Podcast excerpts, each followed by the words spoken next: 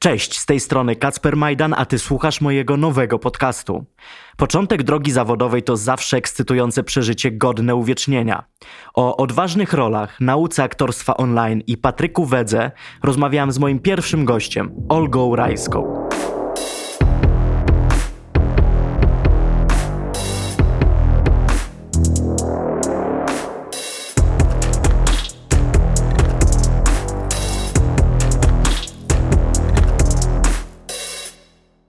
My się poznaliśmy 4-5 lat temu.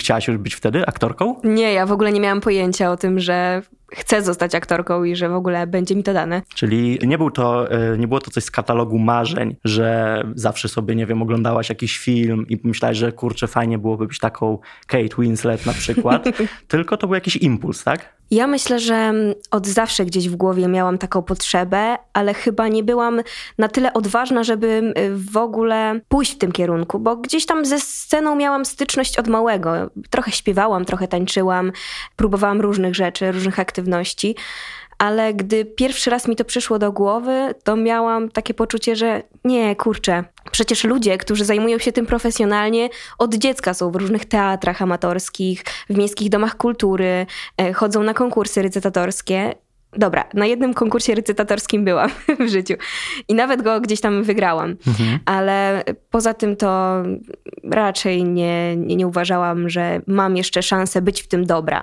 Ale potrafisz rozpoznać źródło, skąd ta chęć do bycia aktorką, nawet jakaś delikatna, podświadoma przyszła? To się właściwie zaczęło od tego, że ja nie mogłam się zdecydować, e, czy iść bardziej w kierunku śpiewu, czy w kierunku tańca. Bo jak decydowałam się na którejś z nich, to, to, to tego drugiego bardzo mi było szkoda. No ale ale teoretycznie jedno i drugie w aktorstwie pomaga też. No i właśnie chcę do tego dążyć, bo gdy poszłam do liceum do y, obcego dla mnie miasta, bo ja jestem z Dęblina, a poszłam do liceum do Lublina, znalazłam takie studium wokalno-teatralne i patrząc na to, jakie tam są zajęcia oferowane, zauważyłam, że jest to miejsce, w którym mogę jednocześnie rozwijać się i wokalnie, i tanecznie.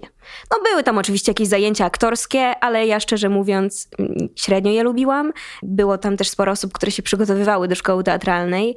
E, ja o tym kompletnie nie myślałam. I tam wtedy odkryłam recital, dlatego że przygotowywaliśmy takie przedstawienie z piosenkami z lat 20., 30. i to było połączone z choreografią. Więc mieliśmy i do zaśpiewania, i do zatańczenia w tym samym czasie. I bardzo mi się to spodobało. I trochę to zaczęło owocować moim jakimś takim zainteresowaniem teatrów muzycznych, gdzie to się łączy. I później porzuciłam, w drugiej, pod koniec drugiej liceum porzuciłam te studium, bo przecież nie wiązałam z tym żadnych mhm. planów, mhm. żeby się skupić do matury. to była jedna z najgłupszych rzeczy, jaką zrobiłam, że z tego zrezygnowałam, bo bardzo mi tego było y, szkoda i żałowałam. I jadąc na dni otwarte do Uniwersytetu Warszawskiego, spotkałam moją koleżankę z tego studium, która jechała na takie warsztaty aktorskie. No i ponieważ się tak przypadkowo spotkałyśmy w pociągu, um, wtedy, kiedy jeszcze, to miałyśmy bardzo dużo czasu, żeby ze sobą porozmawiać. I ona mi opowiadała o tych warsztatach aktorskich i tak sobie mówiłam, kurczę, jakie to fajne. No i ona w końcu nagle zapytała się mnie, ty Olga, a ty, ty w ogóle nie zdajesz do szkoły teatralnej? Przecież ty byś się nadawała. A ja w ogóle, co ja? Jakby nie, no przecież ja nie umiem, ja nie mam doświadczenia, ja coś tam. Miałam tylko jakieś znikome doświadczenie w tym studium aktorskim, gdzie kilka razy powiedziałam teksty na scenie. I to było moje całe doświadczenie aktorskie. No dobra. I ona mówi, słuchaj, jak no. nie wiesz, czy się do tego nadajesz, to idź do tej babeczki, która prowadzi te warsztaty aktorskie, bo ona przyjmuje tylko ludzi, w których widzi potencjał. Jeżeli wie, że ktoś się do tego nie nadaje, to nawet ich nie przyjmie na warsztaty. No i mnie cholera przyjęła. No i, no i jesteś, to było dla mnie kompletne tak, zaskoczenie. I jakiś czas później jesteśmy w Warszawie i nagrywamy ten podcast, ale zdajesz sobie sprawę z tego, że w ogóle bez jakiegoś takiego dążenia, bez, bez tej podświadomości, cały czas wizualizowania tego, że chcę być aktorką, dostałaś się do łódzkiej filmówki, o której krążą legendy, że tam dostać się to jest naprawdę no, graniczy z cudem, a już nawet jak się dostajesz, to często stamtąd po prostu szybko polecisz. No i to za pierwszym razem. Także to oczywiście było szczęście, no ale też dużo mojej pracy, którą włożyłam. Myślę, że chyba jakaś taka moja wrażliwość y, na otaczające, na, na, to, na otaczający nas świat pozwoliła mi mimo tego braku doświadczenia a jednak mając predyspozycję, dostać się tam. A jak się nauczyć w dzisiejszych czasach aktorstwa online? No to jest pytanie, o którym e, długo myślałem. Sam jestem teraz pomiędzy pracą na studiach i moje studia akurat są takimi studiami, e, na których mogę pewnych rzeczy nauczyć się online, dowiedzieć się online, bo u mnie praktyka polega na tym, co ja sobie sam mogę zrobić w domu. No, ale w aktorstwie tak nie jest. Zdecydowanie nie i chyba wszyscy aktorzy i studenci aktorstwa, którzy aktualnie muszą przebywać w domu i próbować wykrzesać coś z siebie przed kamerką. Dużo kloł na to, ale da się zrobić część rzeczy. Nie wszystko. Na początku oczywiście nikt nie wiedział, jak to w ogóle może wyglądać, bo nikt w życiu nie wyobrażał sobie, że będziemy w takiej sytuacji. Myślę, że skupiamy się bardzo dużo na analizie tekstu, na analizie postaci, na psychologii i piszemy dużo. Piszecie? Aktorzy piszą dużo? Czego? Tak, jak, jak budujemy postać, to piszemy na przykład biografię naszej postaci, jej relacje z różnymi osobami, które tłumaczą nam to, dlaczego ona w danym dramacie zachowuje się w ten, a nie w inny sposób. Żeby dla mnie aktorstwo to jest trochę taka psychologia w praktyce. Żeby zagrać daną postać wiarygodnie, ty nie tylko musisz nauczyć się tekstu, ale przekazać to wiarygodnie, musisz ją zrozumieć, bo każda postać ma pozytywne motywacje, nawet jeżeli jest złą postacią. Mhm. Motywacje zawsze są pozytywne i trzeba to donaleźć i trzeba to w sobie przepracować.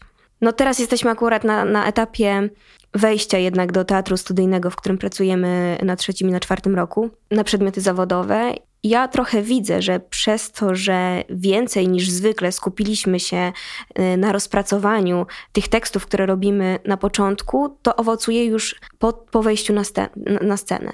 Chociaż rzeczywiście chciałoby się być więcej na tej scenie, bo ograniczenia mhm. są duże. Możemy się spotykać tylko w chyba dwu osobowe grupy plus profesor. Na pewno brakuje tej, tego obycia na scenie, bo sama nauka tekstu nie, nie, nie, pozwala ci już od razu zagrać wszystkiego. Musisz obyć się ze sceną, ze scenografią, z pewną choreografią, która musi być powtarzalna, z drugiej strony świeża. Więc myślę, że wszyscy, również profesorowie i e, władza naszej uczelni, wciąż uczymy się sposobów na to, żeby ta nauka była jak najbardziej efektywna. Łódzka Szkoła Filmowa słynęła zawsze z tego, że miała bardzo fajnych wykładowców inspiracje w zasadzie ludzi, który, których można bez problemu postrzegać jako autorytety. I na przykład ja z perspektywy swoich studiów dziennikarskich nie mogę czegoś takiego powiedzieć. No, u mnie uczą ludzie, którzy nie osiągnęli nic w zawodzie, więc postanowili zostać wykładowcami. Oczywiście z małymi wyjątkami, ale no to jest e, smutna prawda. Jak wygląda na przykład, kiedy macie zajęcia online? Ty miałeś, dobrze pamiętam, że miałeś zajęcia z Agnieszką Holland? Miałam z nią warsztaty. Mhm. I jak to wygląda? Jak Agnieszka Holland uczy online? To na pewno było spotkanie z ciekawym człowiekiem. Już możliwość dotknięcia y, tego, co ona doświadcza i jak ona postrzega świat, już trochę zmienia w głowie. Ja dostrzegłam pewną wyjątkowość tej postaci. I może przez to właśnie y, jest w tym miejscu, a nie w innym. Jest bardzo ciepła na pewno i nie ma problemu z tym, żeby mówić wprost o co jej chodzi, ale robi to bardzo subtelnie. Myślę, że to jest, to jest niesamowite. Chciałabym oczywiście również y, może spotkać się z nią kiedyś nie tylko na warsztatach, ale w pracy. No, na pewno. No, oby, oby tak było. Tego, tego ci życzę. Wiesz co, tak się zastanawiam, bo ostatnio czytałem taki raport, że Właściciele Facebooka, Netflixa, Instagrama całą swoją uwagę i pracę przekładają teraz na to, że my jako ludzie jesteśmy coraz mniej uwa uważni, coraz mniej się potrafimy na dłuższy okres czasu skupić. Facebook cały czas nas bombarduje różnymi rozwiązaniami, które mają za zadanie przytrzymać nas przed tym ekranem. Netflix robi to samo, ciągle wypuszczając nowe produkcje, robiąc to w sposób taki bardzo, bardzo przyciągający wzrok. I zastanawia mnie, jak dzisiaj się przygotowuje aktora na te problemy z utrzymaniem uwagi przez odbiorcę na danym temacie. Jak się aktor może przygotować, do, y, przytrzymać tego swojego widza przed ekranem czy na scenie? Czy w ogóle wy macie jakąś zmianę teraz taką w nauce? No bo na przykład to nie był problem Jerzego Sztura, który uczył się aktorstwa, że ktoś na Netflixie zaraz włączy kolejny serial albo kolejny film, ale to już jest problem obecnego i przyszłego pokolenia aktorów. No muszę przyznać, że bardzo ciekawe pytanie. I ciekawy problem. Wiesz, my nie dostajemy takich tików, jak przytrzymać uwagę widza. Nas jednak uczą takiej pewnej konsekwencji scenicznej, tego, że trzeba zachowywać pewne rytmy, żeby widza przytrzymać y, aktywnie, żeby on nie osiadł znudzony. Natomiast nie ma takiej recepty i wydaje mi się, że to jest bardzo indywidualna sprawa, bo każdy z nas, bo na roku jest nas 20 y, osób, każdy z nas jest trochę inny. Jeden, jednego urok osobisty polega na tym, że nie wiem, że mam niesamowicie hipnotyzujące spojrzenie, a ktoś po prostu wystarczy, że się ruszy i ludzie łapią to jako coś niesamowicie kom komediowego. Więc bardziej chyba stawiają na to, żebyśmy sami odkryli w sobie to coś, co przytrzyma tego widza, co zachowa jego uwagę i co i więcej, pozwoli nam dać coś od siebie przekazać, jakąś myśl, jakieś może wartości, skłonić y, do, do myślenia. Nie tylko na chwilę złapać, żeby, żeby właśnie w tym coś było więcej. No i tak chyba się tego całe życie musimy uczyć. Mhm. No tak, to na pewno, zwłaszcza, że to będzie twój zawód, na którym mam nadzieję, będziesz zarabiać. Tylko teraz znowu kolejna rzecz, która jest znakiem czasów i to znakiem czasów dość świeżym. Kiedyś rozmawiałem e, ze znajomymi DJ-ami, którzy w czasach pandemii nie mieli lekko, no bo cała branża rozrywkowa stoi.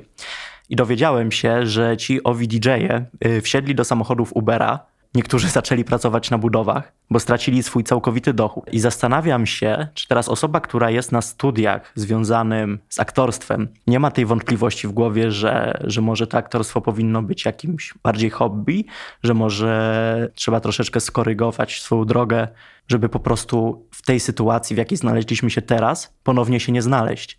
Że nagle się okazuje, że przelewy przestają przychodzić, że nasze miejsce pracy jest zamknięte, że nie ma widza, że nastroje społeczne są dość kiepskie, bo nikt nie myśli o rozrywce w sytuacji, w której traci pracę. Nie myślałaś o tym? Nie było troszeczkę wątpliwości teraz? Oczywiście, że myślałam. Myślę, że wielu aktorów sobie zadaje to pytanie i szczególnie tych, którzy właśnie ukończyli szkołę i tak naprawdę weszli w martwy rynek. E, bo jednak bardzo mało jest teraz tych produkcji. E, przez pewien czas nie było ich w ogóle. To się oczywiście otwiera, zmienia i, i, i zależy, ale ja jednak gdzieś tam myślę, że też przez to, że nigdy nie było to jedyne, co chciałam w życiu robić, albo po prostu miałam taki plan. Ja marzę o tym, żeby właśnie móc grać tylko w tych rzeczach, które mnie pociągają, które ja czuję w moim sercu a nie robić tego po to, żeby móc na przykład spłacić jakiś kredyt. To jest pewnego rodzaju luksus, ale myślę, że zależałoby mi na tym, żeby zainwestować w coś, co nie jest branżą aktorską. Nie wiem, nie wiem jeszcze, co to może być. Czy jakaś mhm. własna firma, czy jakieś inne rzeczy, bo jednak ten zawód, który zawsze był dużym ryzykiem, w tym momencie jest jeszcze większym. No tak, no. E... Wszystko w myśl zasady, że żadna praca też nie hańbi, dopiero hańbi dzień wypłaty. I Oczywiście. No, I patrząc na losy wielu aktorów, bardziej teatralnych, y, mniej rozpoznawalnych, no to jest pewien problem, bo, bo, bo to spotkały... Jest, to jest bardzo często dramat. Ja mhm. mam, znam wielu ludzi, którzy znaleźli się w, w takiej sytuacji, że tracą wszystko, że pensje, które w teatrach nie są wysokie, szczególnie jak nie jest się rozpoznawanym aktorem, y, i nagle zamykają teatry, nie ma pracy, nie ma prób, nie dostaje się pensji. A co dopiero aktorzy, którzy nawet nie mają etatu, tylko gościnnie grali w różnych miejscach. Mhm. A tych spektakli nie ma. To są w, chyba w najgorszej sytuacji. Okay. Um, ja na przykład też uważam, że żadna praca nie hańbi. Mam znajomych, którzy zaczęli pracować w kurierce, w dostawie jedzenia, czy, czy właśnie w taksówce. I może to, to trochę narcystyczne z mojej strony, ale uważam się za osobę bardzo zaradną i jest wiele rzeczy, w których dobrze, mogłabym słuchaj, no, się sprawdzić. Bardzo dobrze, że to mówisz, bo ogólnie rzecz biorąc e, skromni są ludzie, którzy nie mają innych cech i po prostu trzeba sobie o tym powiedzieć dość jasno. E, czyli rozumiem, że na przykład nie miałabyś problemu z tym, żeby jednocześnie być aktorką i być osobą, która swojej twarzy udziela czysto komercyjnie reklamowo, instagramowo, idąc na przykład, no nie wiem, case'em y, Julii Wieniawy. Chyba nie chciałabym iść y, tą samą drogą. To, nie, chodzi mi tylko ale... o mądre monetyzowanie własnego wizerunku. Tak, tak. No, tu jednak budujesz własną markę. Jakby twoje nazwisko jest marką, więc trzeba gdzieś tam umiejętnie i świadomie kierować tą swoją ścieżką artystyczną i karierą. Chyba w tym momencie nie mam jeszcze odpowiedzi na to, na, co, na jakie współprace bym się chciała godzić, na jakie nie. Na pewno chciałabym, żeby one były spójne z, z moim światopoglądem, ale nie wiem, no nie wykluczam, zależy co to by było. Chciałbym wrócić troszeczkę do aktorstwa, bo zdecydowałaś się być aktorką dość spontanicznie i dość szybko. Dużo miałaś wstydu na początku? Jak wychodziłaś na scenę, jak występowałaś przed kamerą? Myślę, że kamera nie tak, tak mnie bardzo nie ośmielała, jak e, występowanie na scenie teatralnej. Mhm. Zresztą to była chyba największa rzecz, którą musiałam pokonać w tej szkole, bo też miałam takie poczucie, że jestem najmniej doświadczona praktycznie z całego roku aktorsko, więc miałam z tego powodu kompleksy i większość profesorów, bo zawsze mamy jakieś podsumowania tych, y, tych zajęć, gdyż no, wiele z tych przedmiotów w ogóle było prowadzonych indywidualnie, nie zarzucała mi nic o mojej pracy, o moim zaangażowaniu i tak dalej, tylko właśnie dużo mi osób mówiło, że musisz się odważyć, musisz się otworzyć, mhm. E, przełamać się i pracowałam nad tym i wydaje mi się, że myślę, że można jeszcze bardziej, ale zrobiłam bardzo duży krok do przodu, albo może nawet kilka e, na tym. Wręcz czerpię przyjemność z, tego, z bycia na scenie. A na początku, jak e, profesor prosił o to, żeby kto, ktoś chętny wyszedł na scenę i zrobił jakieś zadanie, to raczej nie byłam tą osobą, która się pierwsza zgłaszała. Trochę trzeba było mnie wyciągać. No ale z drugiej strony, kurczę, Olga, no przecież chcesz zostać aktorką, no nie możesz się chować. No oczywiście. W myśl tego, co mówił Jan Englert, myślę, że też e, warto zostawić sobie troszeczkę tajemnicy. Paweł Królikowski też powiedział, że najważniejszą zasadą w mediach powinno być to, żeby nigdy nie stracić tajemnicy. I zastanawiam się, czy też nie za szybko troszeczkę ten, e, tą swoją tajemnicę i ten wstyd gubisz. Nie, nie wydaje mi się. Sama jestem osobą, która gdzieś tam ceni sobie własne życie prywatne i też nie dzielę się nim tak bardzo na przykład w mediach społecznościowych. Tak, wydaje mi się, że, że jest coś pociągającego w aktorach, którzy niosą pewną tajemnicę, gdzieś tam całkowicie się ogała, ogałacając. Y, traci się jakby ciekawość ludzi, którzy ch chcą cię poznać, chcą zobaczyć, jak wygląda twoje życie, szczególnie no, jak jesteś już jak, jakiś rozpoznawalny. No ja na razie też nie mam tego problemu. jeszcze, jeszcze. Ale rzeczywiście na scenie to, to, to jest chyba równie, y, równie ważne. Myślę, że to też zależy od, od roli. Nie da się do końca oddzielić siebie od, od postaci, którą się gra, bo jednak to nasze ciało jest naszym narzędziem i to jest nasze ciało. Mhm.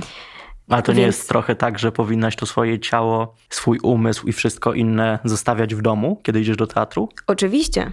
Oczywiście i to jest, to jest profesjonalizm, tak? Jeżeli ty przychodzisz na próbę i robisz to, co jest istotne w tym momencie, czyli skupiasz się na pracy, a nie y, na, na wszystkich boląc, bolączkach życiowych, na, na samopoczuciu. Oczywiście wszyscy jesteśmy ludźmi, ale w pracy zespołowej jednak każdy daje tę cegiełkę, która, która składa się na, potem na ten wspólny efekt. I myślę, że to jest ważne w tym zawodzie, że taka umiejętność zmobilizowania się. A powiedzmy teraz, że dostajesz propozycję roli, w której musisz się rozebrać. Przed kamerą, w teatrze. Zgodziłabyś się, czy jeszcze nie? Nie wykluczam. Mhm. Myślę, że też ważna byłaby dla mnie forma, bo są sceny seksu i sceny seksu, na przykład, czy tam w ogóle jakieś sceny nagości, bo nagość może być pokazana ładnie, estetycznie, może mieć, e, być pełna pasji, a może być bardzo wulgarna e, i, i, i brzydka. Jeżeli uznałabym, że ta nagość jest uzasadniona, że ona jest po coś, a nie tylko po to, żeby pokazać e, swoje nagie ciało, to nie mówię nie. No. Mhm. A jak byś musiała przetłumaczyć coś takiemu swojemu partnerowi? Czy w ogóle byś musiała? Akurat jestem w takiej szczęśliwej sytuacji, że chyba nie musiałabym tego tłumaczyć, mhm. bo y, mój chłopak y, myślę, że od początku już przerobił wiele rzeczy i jakby rozumie, też zna mo moje podejście i, i tę umiejętność oddzielenia tego, co jest y, na scenie od prawdziwego życia. Szczególnie, że no jednak w pracy nie ma intymności. Jakby to, co widz widzi, to jest pewna iluzja. Znaczy, relację intymną wydaje mi się, że właśnie się z widzem buduje. Tak, oczywiście, a nie z drugim bohaterem. Mhm. Więc chyba nie ma być o co zazdrosny, jeśli okay. już. No tak, no to jest jakaś taka profesjonalna perspektywa.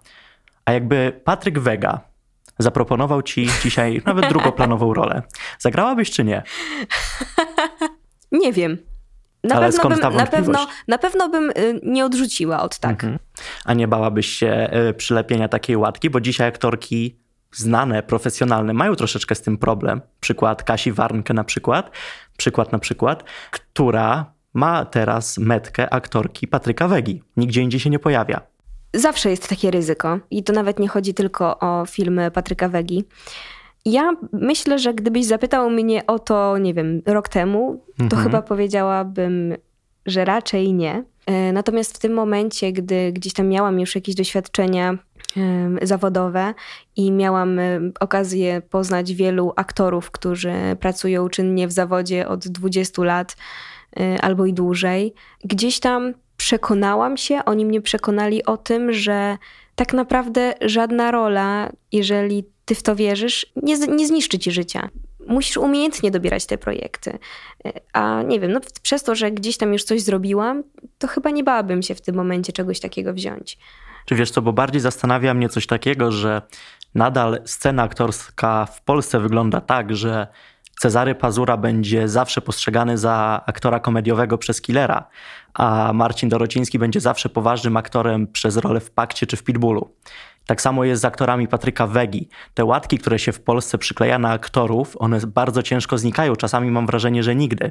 I stąd jest to pytanie, czy nie bałabyś się, że właśnie będzie zaszufladkowana jako osoba Wegi?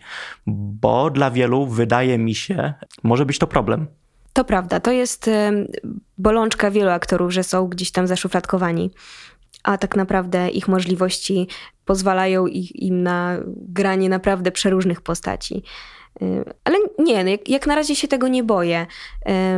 Znam wielu aktorów, którzy grali u Wegi, a robią też mnóstwo innych rzeczy, które są kompletnie odklejone od tych, od tych łatek, które gdzieś tam mówisz, Wega może nadać. Zresztą myślę, że trzeba by było w kilku filmach zagrać, żeby, żeby dostać taką łatkę. A kino też w Polsce ma coraz szerszą ofertę i coraz więcej ludzi zaczyna się interesować tym kinem, bo gdzieś tam do szerszego grona y, Polaków przez wiele, wiele lat, zresztą sama byłam taką osobą jeszcze x lat temu, y, gdzieś tam przebijały się do świadomości bardzo głośne filmy, które dostawały orły albo gdzieś tam były nominowane do Oscarów oraz komedie romantyczne, które miały, mają białe plakaty mhm. i się chodzi na nie dwa razy w roku, bo trzeba gdzieś zabrać żonę na walentynki, nie? Mhm a jest poza tym ogromny rynek i też coraz więcej produkcji. Na przykład i Netflix robi dużo w Polsce, i HBO, i Kanal Plus, i, i różne inne stacje, i różni inni producenci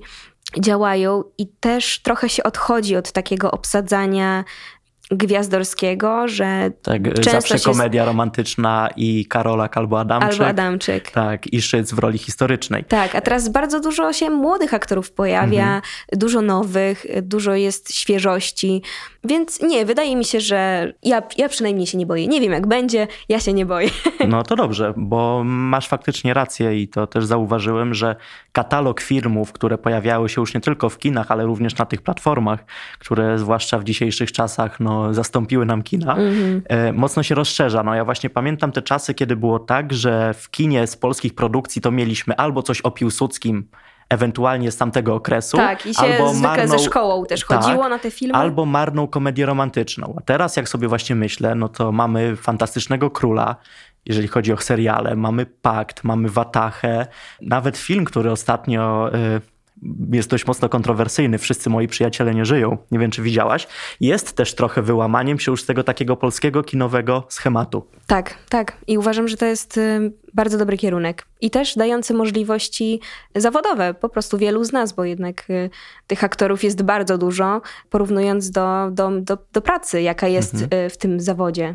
A oglądałaś Wszyscy moi przyjaciele nie żyją, czy nie?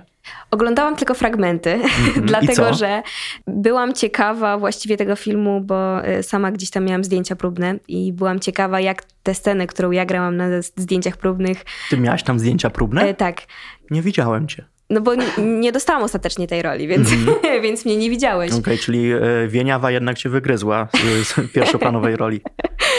E, Więc byłam ciekawa, jak ta scena, którą e, ja grałam gdzieś tam właśnie na tych zdjęciach próbnych, została e, zrealizowana. E, Więc tylko fragmenty widziałam, ale myślę, że chciałabym zobaczyć ten film gdzieś tam w najbliższym czasie. Wiesz co, musisz go zobaczyć, bo mi się wydaje, że to jest film, Jest który... tak kontrowersyjny, wzbudza tyle kontrowersji. e, Tak, ale wydaje mi się właśnie, że to z tego powodu, że będąc teraz przy temacie szczepień ogólnokrajowym, to jest właśnie to, tak jakby ktoś Polaka trochę uderzył w szczepionkę, że po prostu zabolało. Wiele osób ten film zabolał, bo pokazał jakieś nasze narodowe skłonności, oczywiście mocno przerysowane, ale wydaje mi się, że ten film boli głównie z tego powodu, że zbyt wiele osób jest w stanie zobaczyć tam siebie, a chcąc, nie chcąc, nie są to pozytywne postacie. No to w takim razie wezmę to pod uwagę, jak będę oglądać ten film i, i nie wiem, zadzwonię do ciebie, powiem ci, co o tym sądzę.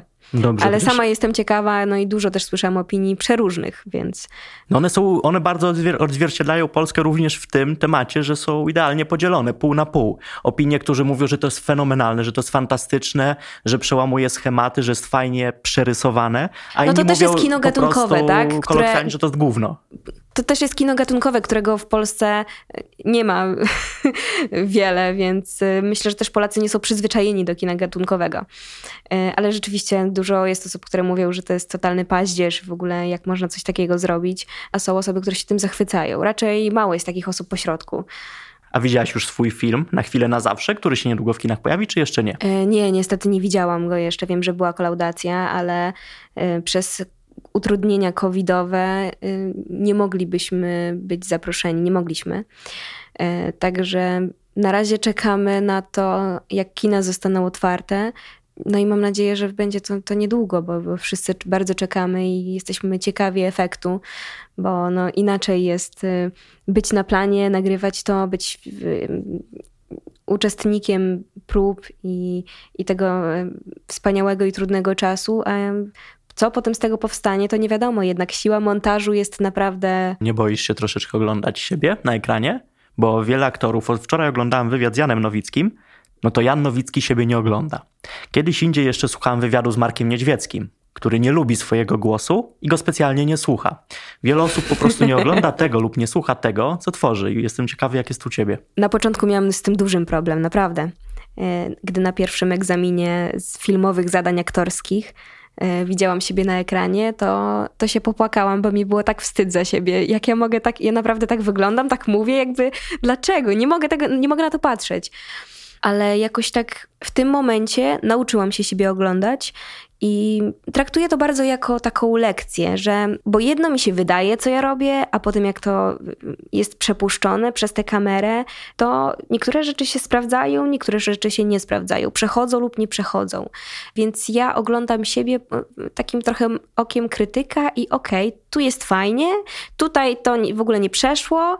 I więc pod tym kątem nie robię tego dla przyjemności, robię to dla nauki, żeby, Mhm. żeby wyciągnąć jakieś pewne wnioski e, z tego, co robię. Myślę, że w ogóle ta pandemia trochę mnie do tego zmusiła, chociaż może trochę wcześniej, bo Czy ja wyobrażam sobie, że teraz był taki okres, kiedy po prostu pewne rzeczy sobie nagrywaliście i wysyłaliście do oceny. Poniekąd tak, tak. Szczególnie ten semestr letni, który był dużym zaskoczeniem i jeszcze nikt nie wiedział, jak co ma działać.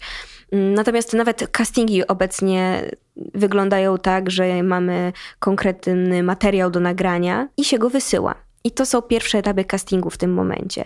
A potem dopiero na żywo, na zdjęcia próbne, czy tam na jakiś kolejny etap castingu em, zos- zostajemy zaproszeni na żywo, żeby zmniejszać ryzyko jednak COVID-u, prawda? Zarażenia się. No to już jak jesteśmy Więc- przy tym, że lubisz, y, że nie przeszkadza ci oglądanie siebie samej na ekranie, to u kogo byś siebie chciała tak najbardziej zobaczyć? U jakiego reżysera? Chciałabym na pewno jeszcze raz popracować e, z Piotrem Trzaskalskim, z którym zrobiłam ten film na chwilę na zawsze, Mhm. e, bo fantastycznie mi się z nim pracowało i chciałabym na pewno e, móc z nim więcej popracować. No jest wielu wspaniałych reżyserów, z którymi chciałabym... Skupmy się na polskich na razie. Jeszcze do Oscarów i tych wielkich... E, to już jak dostaniesz Oscara, to wtedy też się umówimy, ale na razie porozmawiajmy o polskim rynku. Myślę, że z panem Wojtkiem Smarzowskim to by było mm -hmm. fantastycznie. Z Pasikowskim, z, z Komasą na mm -hmm. przykład. No to są takie nazwiska tak naprawdę naj, największe u nas, ale też e, właśnie z Agnieszką Holland. A z Krystyną Jandą?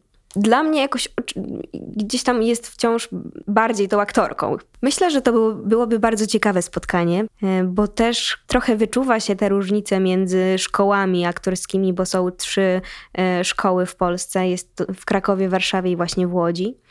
Pani Krystyna Janda jest bardzo krakowska. I jakby ciekawi mnie, ciekawi, ciekawiłoby mnie to zderzenie tych energii. No, nie mówię nie. Jak na razie w ogóle jestem otwarta na współpracę, bo jestem bardzo głodna nauki. E, tego, żeby móc doświadczać siebie i sprawdzać się w różnych rolach. Bardzo właśnie pracuję nad tym, żeby gdzieś tam nie być właśnie zaszufladkowanym, tak jak mówiłam, wielu aktorów ma z tym problem, tylko dobierać sobie takie projekty, które może nie zawsze są opłacalne pod kątem komercyjnym, ale pod takim kątem możliwości rozwoju, że nie zawsze, załóżmy, nie wiem, gdzieś zagram no, 16-latkę, która jest dość urocza, a gdzieś indziej zagram jakąś młodą narkomankę albo, e, albo dziewczynę, która straciła dziecko, albo, albo w ogóle jeszcze coś innego. Jakby marzy, marzę o tym, żeby móc grać różne osoby. A nie boisz się troszeczkę tego, że jak już będziesz się wczuwać w te różne role, w te różne postacie, to one w pewnym momencie z ciebie nie wyjdą? Bo jest coś takiego, że aktor jak się przygotowuje do jakiejś roli, to w nią wchodzi już dużo wcześniej. Ale też mam wrażenie i też niejednokrotnie o tym słyszałem, że później wyjść z jakiejś postaci wcale już nie jest tak prosto. To jest dobre pytanie. Myślę, że trochę jest takie ryzyko, ale to bardzo zależy od y, osobistej wrażliwości aktorów. Bo są aktorzy, którzy bardzo różnie podchodzą do pracy. Niektórzy gdzieś tam rzeczywiście całościowo zostają wchłonięci przez to, y, również psychologicznie, co co często jest nagradzane jednak rzeczywiście wspaniałą kreacją. A są aktorzy, którzy mają pewne umiejętności ale potrafią też wychodzić z tej pracy. Ciężko powiedzieć, na razie nie miałam takiego problemu, żeby nie móc wyjść z jakiejś postaci. Część postaci zawsze gdzieś tam w, trochę w nas zostaje, dlatego że pewne doświadczenia, które ta postać ym, przeżyła, ym, zostają w nas, jakieś takie pokłosie ich trochę drażni naszą wrażliwość i też pozwala nam gdzieś tam na co dzień zauważyć takie, takie sytuacje, do których sami prywatnie byśmy nie potrafili się odnieść, ale przez to, że gdzieś tam mamy więcej tych żyć przepracowanych niż nasze jedno, e, które zwykle jest y, nie tak przepracowane jak te mhm. życiorysy postaci, jakby dają nam większy wachlarz empatii do innych osób, ale również umiejętności dostrzegania wielu rzeczy. Też na polskim rynku to jest mniejsze ryzyko, bo niewiele aktorów może sobie tak naprawdę pozwolić na to, żeby nic nie robić, tylko przygotowywać się do jednej roli. Mhm, stąd było wcześniejsze moje pytanie o twoje Twoją sytuację finansową, czy się jej troszeczkę nie boisz? Dużo rzeczy się u nas produkuje na szybko. Jest to związane z, zwykle z budżetem gdy ktoś z moich znajomych dostanie rolę, mm, mój znajomy z filmówki, który właśnie grał jedną z postaci w, w Królu, na przykład e, Piotrek Pacek, mm, mhm. mógł się przygotowywać przez tam okres, nie wiem, pół roku czy roku do tej roli, gdzie chodził, uczył się tego boksowania, gdzie uczył się różnych rzeczy i się tylko na tym skupił, no to to jest fantastyczne, bo jest też wielu aktorów, których ja znam, którzy tak, tutaj pracują trochę w teatrze, tutaj w drugim teatrze, tutaj wpadają na, do serialu, w międzyczasie robią jakiś film i to tak naprawdę uniemożliwia wejście tylko w jedną postać tylko trzeba gdzieś tam sprawnie żonglować tymi, y, tymi postaciami. Co, czy jest dobre, czy nie, nie wiem. Myślę, że na zachodzie jest dużo większe przyzwolenie i możliwości na to, żeby zająć się jednym projektem i, i zbudować tę postać od początku do końca. Mhm. No, mam nadzieję, że w, u nas w Polsce będzie to coraz bardziej no, dostępne. Patrząc na kierunek naszego kina, to mam wrażenie, że coraz bardziej idziemy w stronę tego zachodu. Czego możemy się w najbliższym czasie od ciebie spodziewać? Poza Na chwilę na zawsze?